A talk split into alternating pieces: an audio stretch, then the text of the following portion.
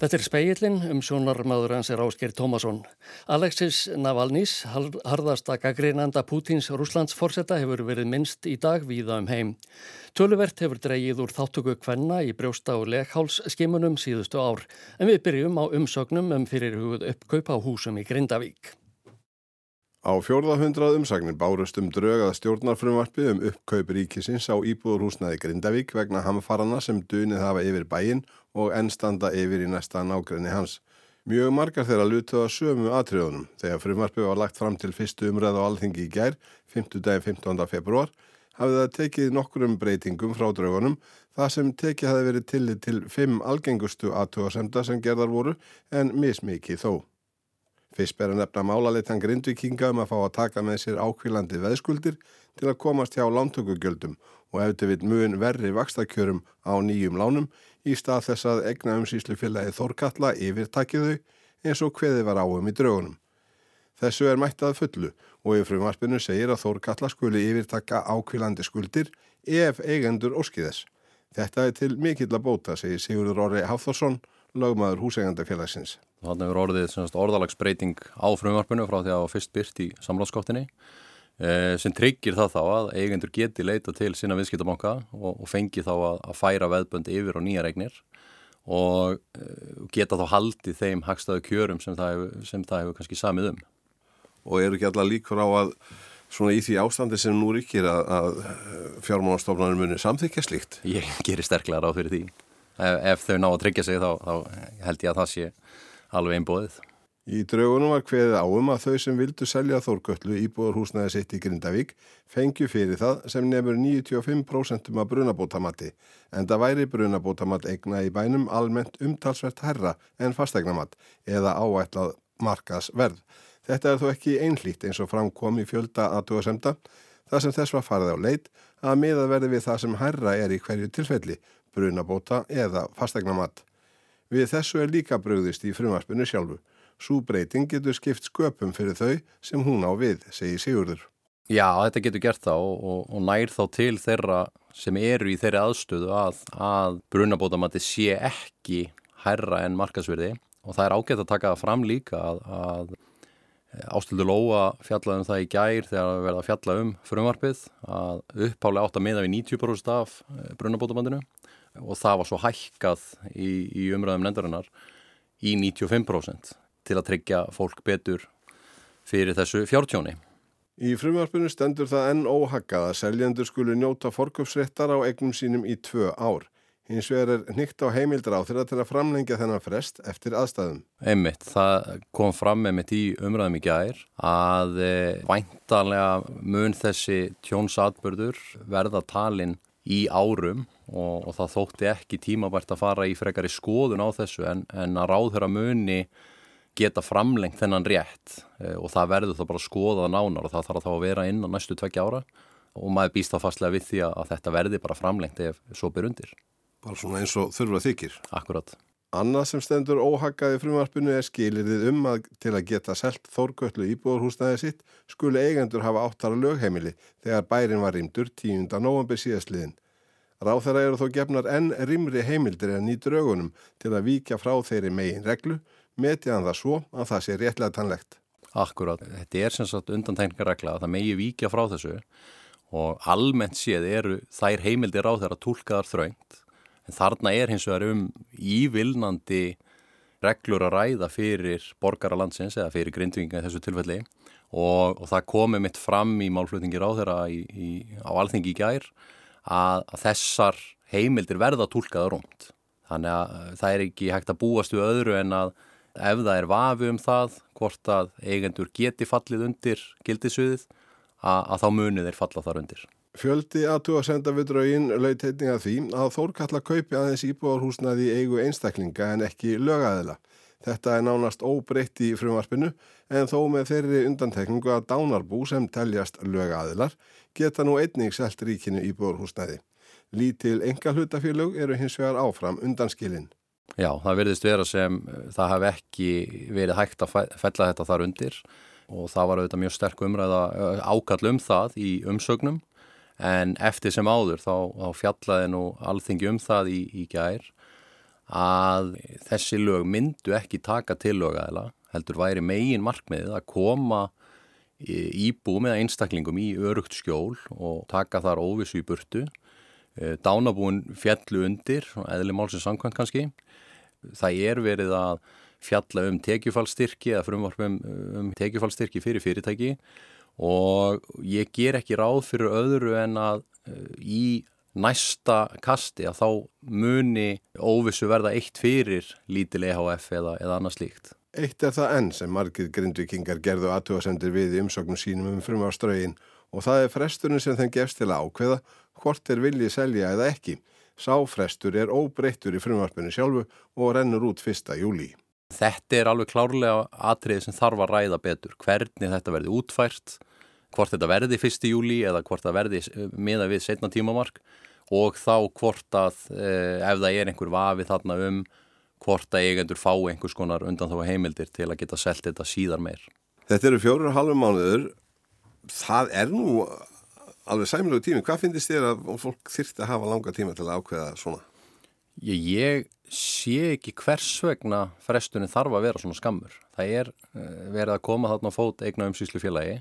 Uh, ég gerir ráð fyrir því að fólk sem hefur gert upp hugsin að það muni bara senda inn umsóknir strax og þá verða þær umsóknir væntalega bara afgriðar eh, eftir því sem þær berast til félagsins og fólk sem er í meiri vafa, mér finnst allavega að það ætti að fá ákveðin frest til að svona ákveða hvaða vil ég gera. Fari svo að meiri hluti grindvikinga nýti sér réttin til að selja ríkinu húsnaði sitt blasir algjört tekjurhrun við Grindavíku bæ því sangkvæmt frumarpinu verður eigna umsýslufélagið undan þegi fastegnagjöldum og öðrum ofinberðum gjöldum. Það mun óhjákvæmulega torvelda bænum að viðhalda innviðum og eigin fastegnum sem þó er brínt að gera ef halda á Grindavík í byggð. Þetta er ofboslega mikið hérna tekjufall ef við erum að tala um að allir nýti þetta úrræði þá er þetta kannski 900 íbúðir og, og bærin eh, hérna verður þá af fastegnagjöldum, lóðalegu gjöldum og öðru slíku af öllum þeim íbúðum. Þetta er ofbóðslega mikil kostnæður. Þannig að það kalla þá á önnur lög sem hveða om að ríki verða viðhalda innviðum í grindaug svo hægt sé að flytja ánga aftur. Það þarf að vera eitthvað svoleiðis eða allavega að það verði hveðið á um einhverja tekjufallstyrki fyrir sveitafélagið. Þetta var Sigurður Orri Hafþórsson, lagmaður húsægjandafélagsins Ævarur Njósefsson, rætti við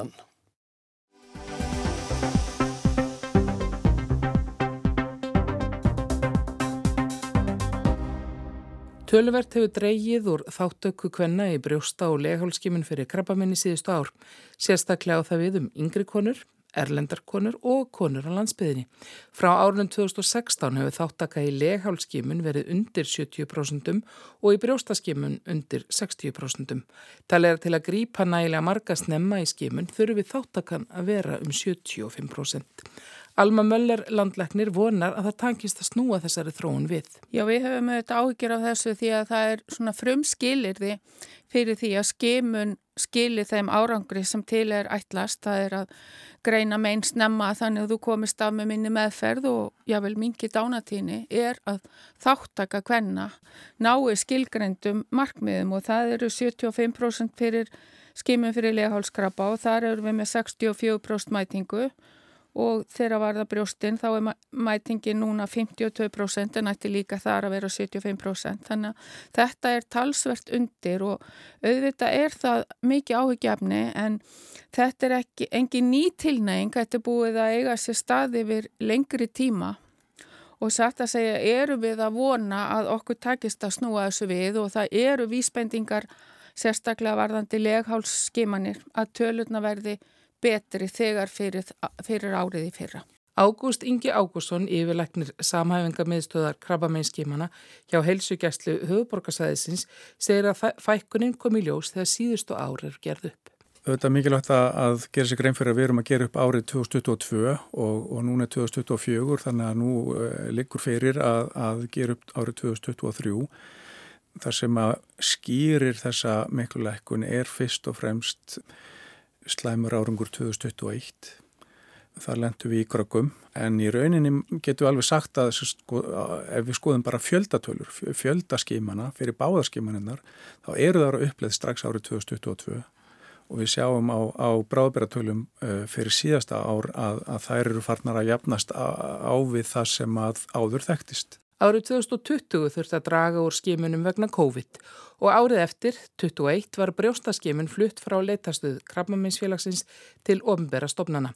Sáflutningur var ekki næjanlega vel undir búin, segir Ágúst. Almenningur, þá sér sérstaklega konur auðvitað, sem að taka þátt í skimuninni, það eru örðu mjög óanaðar og, og við teljum að það sé ástæðan fyrir því að, að þáttakan var svona lítil þetta ár en, en, en áður en að árinu uh, laug var Eh, skimunum komin á gott ról og, og starfseminn hjá þeim sem að tóku við henni. Og eins og ég segi, eins og sagði áðan að árið 2022 eru við strax farin að sjá tölur, e, þáttökutölur, þar að segja fjöldatölur sem eru sambarlegar við það sem að var áður en þessi flutningur e, átti sér stað. Og það heldur áfram á síðasta ári.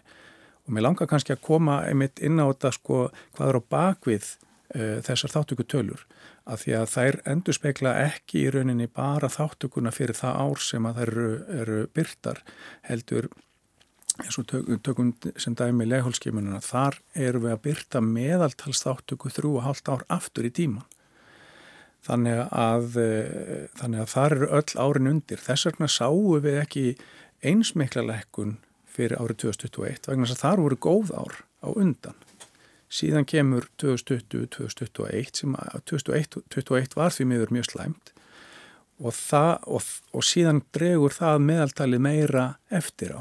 En hvernig má bæta þáttökuna? Það er alveg örglega hægt að gera betur kannski varandi það að konu geti bóka sér tíma sem er svona sveianlík í því eins og er þá kannski um, vinna kerfin ekki með okkur en það verður smíða nýtt svo kallar skimuna kerfi og vonandi verður það auðveldara. Nú það er ætlanum að hafa opið hús eins og fyrir skimunum í, fyrir legháls uh, krabbameini. Nú Það hefur verið rætt um að til dæmis uh, greiðslu hlutfallið í brjóstaskimun fæli frá. Það er uh, 56.000 krónur og það mætti alveg prófa að lækka það og, og sjá hvað gerist. Nú þegar kemur að leghálsskimun þá eru svo kvöldu sjálfspróf. Kanski vill konan ekki mæta í þess að sínatöku en en það er hægt að kenna konum að taka síni sjálfar og það er á dagskrá þegar þessi tilfærsla öll e, er um gargengin og allt komið á leiknan sjó. Nú síðan sjáum við að þáttaka meðal eh, hvern af ellendum uppruna er munlakari heldur en hjá íslensku konunum. Hún er þó um 70% hjá íslensku konunum og við erum að rína hvað hægt er að gera því með ellendu konurnar. Eh, reyndar höldu við að margar þeirra kannski stoppi stutt í landinu og, og einhverja kannski fari skimun í heimalandinu. Nú svo fengum við að heyra á dögunum um að, að íbúafjöldin hefur ofreiknað þannig að nefnarinn er kannski of stór en við ætlum að skoða hvernig við getum náð til þeirra betur og þetta er vandamáli í öllum löndum. Nú síðan sjáum við líka að um, mæting á landsbyðinni er lakari heldurinn á höfuborgarsvæðinu og það þarf að skoða sérstaklega þá með aðgengi að, að skimunum þar. Og það skiptir verulegu máli að mæta í skimun. Ef við tökum til dæmis eins og leghálskimununa, kona sem mæti reglubundi í skimun, hún mingar áhættu sína á því að fá leghálskarpa minn um 90% það, það er bara einstakur árangur í, í krabbaminnskimunum og, og í brjóstaskimunin þar eru við að tala um alltaf 40% lækkun á dánatíðinni þannig að fyrir þær sem að taka þátt í skimuninni.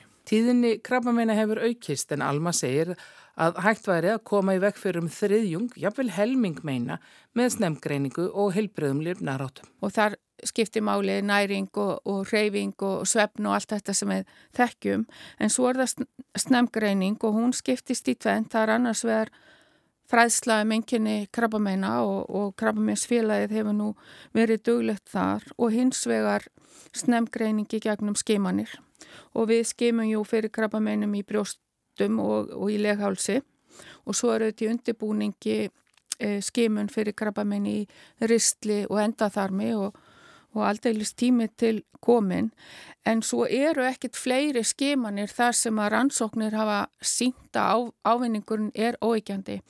Það eru vissulega vísbendingar um, um að skimun fyrir lungnakrabbameini skili árangri en þar þarf kannski líka að skoða hversu hátt hlutfallið e, e, reykir og það er mjög lágt hér, það er kominir í rúm 6% en það er því næsta krabbamein sem við myndum skoða en við höfum talið að við erum svo lítið samfélag og allir hafa mikið að gera, við verðum að koma ristilskimununum fyrst í gang.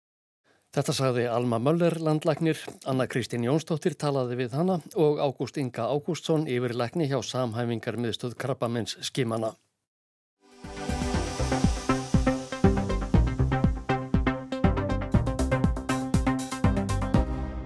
Stjórnmála leðtóar viðast hvarum hinn vestræna heim hafa í dag brúðist við fréttum um að rúsneski stjórnaranstæðingurinn Alexei Navalny sé allur. Þarlendir fjölmiðlar greindu frá andláti hans í dag og hafðu eftir fangelsis í virvöldum í bænum Karp átti 2000 km norðaustan við Moskvu. Að þeirra sögni fekk Navalny sér göngutúr í morgun. Þegar hann kom tilbaka fann hann til slappleika, nýjanýður og dó. Lífgunar tilraunir stóðu í halva klukkustund en báru ekki árangur. Navalny var um árabil harðast ekki að grínandi Latimir Pútins forsetta. Allt frá árinu 2007 var hann óþreytandi við að afhjúpa spillingu aðstu ráðamanna Rúslands og notaði við það helstu samfélagsmiðla. Á endanum var þeim nóg bóðið. Eitrað var fyrir honum með tauga eitrinu Novisjokk en hann livði af með hjálp lækna í Þískalandi. Eftir að Navalny hafði komist til helsu á ný hjælt hann heim til Rúslands. Þar var hann handtekinn, dæmdur til fimm ára fangelsisvistar fyrir að hafa stopnað og fjármagnað öfgasamtök. Fangelsisvistinn var síðar framlengd um 19 ár. Síðustu mánuðina afplánaða refsinguna í einu illræmdasta fangelsi landsins norðan við heimskautsbaug. Jens Stoltenberg, framkvæmdastjóri Allanshafsbandalagsins, var stattur á öryggismálaráðstefnu í Berlín þegar honum bárust tíðindinn af andláttinn af Valnís. I am deeply saddened and uh, concerned about the reports um, coming from Russia that uh, Alexei Navalny is dead. Ég er afar hryggur og hef af því áhyggjur að Alexei Navalny sé látin, saði Stoltenberg. Hann bætti við að allar staðreindir vegna andlátsins erði að draga fram í dagsljósið og rúsneski ráðamenn erðu að gera hreint fyrir sínum dýrum. Volodymyr Zelenski, fórseti Úkrænu, var einni í Berlín þegar honum bárust tíðindin. Олексій Навальний, очевидно, він убитий Путіним, як і тисячі інших закатованих, замучених через одну Tjó í stótu. Putin myrtan eins og þúsundir annara sem hann hefur ofsótt og látið pinta, sagði Selenski. Putin er rétt og slett sama um hverjir degja svo lengi sem hann heldur stöðu sinni. Þess vegna ætti að koma hann frá, svifta hann öllum vegtillum og draga hann til ábyrðar á ódeðunum sem hann hefur dríkt. David Cameron, utanreikis ráþara Breitlands, fór fagrum orðum um Alexei Navalny þegar hann myndist hans í viðtali við Skye sjónvarpstöðina this man was a brave fighter against corruption, for justice, for democracy, and look what Putin's Russia did to him. Þessi maður var hugrakkur baráttumadur gegn spillingu og fyrir réttlæti og líðræði. Sjáuð hvað Putin og rúsar gerðu við hann, saði Cameron. Staðreindirnar um meðferðin á Navalny saði Cameron að væru borðileggjandi. Hann hefði verið fangelsaður fyrir engarsakir, eitrað hefði verið fyrir honum og hann sendur í fangabúðir við Norður Ísaf. Það verður að draga Putin til ábyrðar fyrir þetta og engin ætti að velkast í vafa um stjórnunarhætti fórsetans og hans manna eftir það sem Navalny hefði þurft að ganga gegnum. Lít hefur verið fjallað um andlát Navalnís í rúsneskum fjölmiðlum í dag. Putin fórseti hefur ekkert látið frá sér fara. En það hafa einstaka þingmenn gert þegar á meðal er Víaselef Volodín fórseti dúmunar neðri deildar rúsneska þingsins. Við þekkjum nöfn þeirra sem eru sekir um dauða Navalnís, allt frá framkvæmda stjóra Allandsafsbandalagsins og leðtógum bandaríkjana til þeirra Sjólds, Súnaks og Selenski skrifaðan á Telegram samfélagsmiðlinum. Það eru þeir sem hafa tekið fjölda mishefnaðara ákvarðana í krafti stöðu sinnar og njóta góðs af því að Navalny er fallin frá. Sýtegis hafði tass fréttastofan eftir Dimitri Peskov, talsmanni Pútins, að viðbröð vestrætna leðtoga væru hysterísk og yfirilýsingar þeirra með öllu óbóðlegar. Flera er ekki í speklinum að þessu sinni, tæknimaður var Magnús Þorstedt Magnússon. Hægt er að hlusta á þáttinn í spilara ríkisútvarpsins og helstu hlaðvarpsveitum. Góðar stundir.